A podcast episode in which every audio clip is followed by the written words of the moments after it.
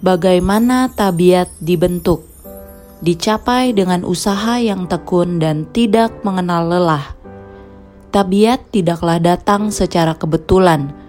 Ini bukanlah ditentukan oleh suatu luapan amarah, suatu langkah dalam jurusan yang salah adalah dengan diulang-ulanginya satu tindakan yang menyebabkan hal itu menjadi satu kebiasaan dan membentuk tabiat untuk yang baik atau yang jahat. Tabiat yang benar hanya dapat dibentuk oleh usaha yang tekun dan tidak mengenal lelah. Dengan menggunakan setiap bakat dan kesanggupan yang dipercayakan kepada kita demi kemuliaan Allah. Gantinya melakukan hal ini, banyak orang membiarkan dirinya hanyut ke mana saja dorongan hati atau keadaan membawa mereka. Hal ini bukan disebabkan oleh karena kekurangan materi yang baik, melainkan oleh karena mereka tidak menyadari bahwa pada masa muda mereka Allah menghendaki agar mereka berusaha dengan sebaik-baiknya. Tugas kita yang pertama kepada Allah dan kepada sesama manusia adalah dalam memperkembangkan diri sendiri. Setiap kesanggupan yang telah dianugerahkan oleh Allah kepada kita harus diperkembangkan sampai kepada taraf kesempurnaan yang paling tinggi, agar supaya kita sanggup berbuat kebajikan yang sebesar-besarnya untuk hal mana kita sanggup melakukannya agar dapat menyucikan dan memperhalus tabiat kita, maka kita membutuhkan anugerah yang diberikan kepada kita oleh Kristus yang akan menyanggupkan kita untuk melihat dan memperbaiki kekurangan-kekurangan kita dan memperkembangkan apa yang baik di dalam tabiat kita. Dengan memupuk kuasa yang diberikan Allah, Sampai sedemikian jauh, setiap orang adalah arsitek tabiatnya sendiri. Setiap hari, bangunan itu semakin mendekati penyelesaiannya. Firman Allah mengamarkan kita supaya memperhatikan bagaimana caranya kita membangun untuk melihat bahwa bangunan kita didasarkan atas batu karang yang kekal itu. Waktunya akan datang bila mana pekerjaan kita akan dinyatakan sebagaimana adanya Sekaranglah waktunya bagi semua orang untuk memperkembangkan segala kuasa yang telah diberikan Allah kepada mereka, agar mereka dapat membentuk tabiat untuk mendatangkan manfaat di dunia ini dan di dalam kehidupan yang akan datang. Iman di dalam Kristus sebagai seorang juru selamat pribadi akan memberikan kekuatan dan keteguhan kepada tabiat mereka yang mempunyai iman yang sejati dalam Kristus akan menjadi orang yang bersungguh-sungguh dalam pikirannya sambil mengingat bahwa mata Allah ditujukan kepada mereka bahwa hakim segala manusia sedang menimbang nilai moral bahwa penghuni surga sedang mengamat-amati untuk melihat tabiat seperti apakah yang sedang diperkembangkan. Dipengaruhi oleh setiap tindakan setiap tindakan dalam hidup, bagaimana remehnya sekalipun, mempunyai pengaruh dalam membentuk tabiat. Suatu tabiat yang baik adalah lebih berharga daripada harta duniawi, dan pekerjaan untuk membentuknya adalah pekerjaan yang paling agung yang dapat dilakukan manusia. Tabiat yang dibentuk oleh keadaan bisa berubah-ubah dan tidak serasi merupakan sekumpulan hal-hal yang saling bertentangan. Orang-orang yang memiliki tabiat seperti itu tidak mempunyai tujuan atau cita-cita yang tinggi dalam hidupnya. Mereka tidak mempunyai pengaruh yang baik terhadap tabiat orang lain.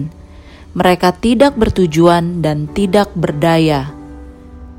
Disempurnakan dengan mengikuti pola Allah Allah mengharapkan agar kita membangun tabiat sesuai dengan pola yang telah dihadapkan kepada kita.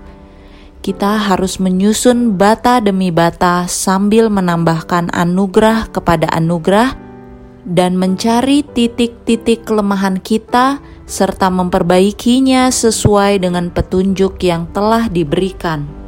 Bila mana sebuah retak terlihat pada dinding dari sebuah rumah, kita tahu bahwa ada sesuatu yang salah dengan bangunan itu. di dalam pembangunan tabiat kita, retak-retak sering terlihat.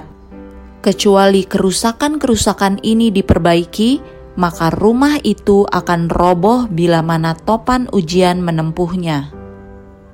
Allah memberikan kepada kita kekuatan, kuasa berpikir, waktu supaya kita bisa membangun tabiat yang di atasnya ia dapat membubuhkan cap persetujuannya.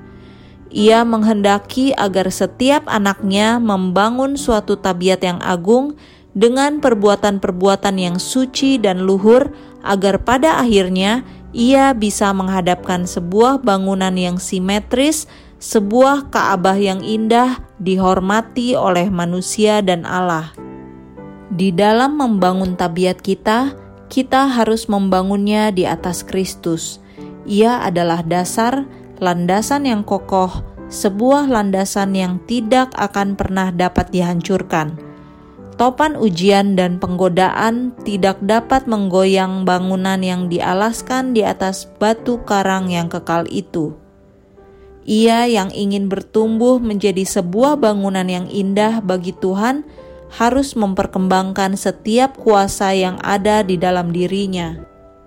Hanyalah dengan penggunaan yang baik akan segala bakat, tabiat itu dapat diperkembangkan dengan serasi. Dengan cara demikian, kita menggunakan sebagai bahan-bahan untuk landasan itu hal-hal yang digambarkan dalam firman itu sebagai emas, perak, batu-batu berharga, bahan-bahan yang akan tahan terhadap ujian daripada api Allah yang menyucikan itu. Di dalam pembangunan tabiat kita, Kristus adalah teladan kita.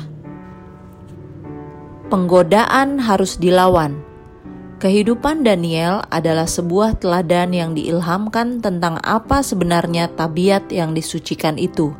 Hal itu memberikan sebuah pelajaran bagi semua orang dan terutama sekali bagi orang muda. Penurutan yang saksama terhadap tuntutan-tuntutan Allah menguntungkan terhadap kesehatan tubuh dan pikiran. Orang tua Daniel telah mendidik dia pada masa kanak-kanaknya dalam kebiasaan bertarak yang ketat sekali. Mereka telah mengajar dia bahwa ia harus taat kepada hukum-hukum alam di dalam segala kebiasaannya bahwa kebiasaan makan dan minumnya mempunyai suatu pengaruh yang langsung terhadap keadaan tubuh, pikiran, dan moral mereka, dan bahwa ia bertanggung jawab kepada Allah atas segala kesanggupannya. Oleh karena ia menganggap semuanya itu sebagai suatu pemberian dari Allah dan tidak boleh melalui tindakan apa pun merusak atau melumpuhkannya. Sebagai akibat daripada pengajaran ini, hukum Allah ditinggikan di dalam pikirannya dan dihormati di dalam hatinya. Selama tahun-tahun pertama daripada masa tawanannya, Daniel menjalani satu ujian yang dimaksudkan untuk membiasakan dia dengan kemegahan istana, dengan kemunafikan, dan dengan kekafiran. Sungguh, itu merupakan sebuah sekolah yang ganjil untuk melayakan dia bagi suatu kehidupan yang sungguh-sungguh, rajin, dan setia. Namun demikian, ia hidup tidak dinodai oleh suasana kejahatan yang mengelilingi dirinya. Daniel dan teman-temannya menikmati keuntungan-keuntungan dari pendidikan dan latihan pada masa kanak-kanaknya. Tetapi keuntungan-keuntungan ini saja tidak akan dapat menjadikan mereka seperti adanya Waktunya tiba bila mana mereka harus bertindak bagi diri mereka sendiri, bila mana masa depan mereka itu bergantung atas jalan mana yang akan mereka tempuh. Kemudian mereka mengambil keputusan tetap setia atas pengajaran-pengajaran yang telah diberikan kepada mereka pada masa kanak-kanak mereka. Takut akan Allah yang merupakan permulaan daripada hikmat adalah dasar daripada kebesaran mereka Rohnya menguatkan setiap maksud yang benar, setiap keputusan yang agung. Tujuan harus tinggi. Jikalau anak-anak muda sekarang ini mau bertahan sebagaimana halnya Daniel, mereka harus menggunakan dengan sekuat-kuatnya segala syaraf dan otot kerohanian mereka. Tuhan tidak menghendaki agar mereka tinggal tetap sebagai orang-orang yang tidak berpengalaman. Ia menghendaki agar mereka mencapai anak tangga yang tertinggi, agar supaya mereka dari situ dapat melangkah ke dalam kerajaan Allah.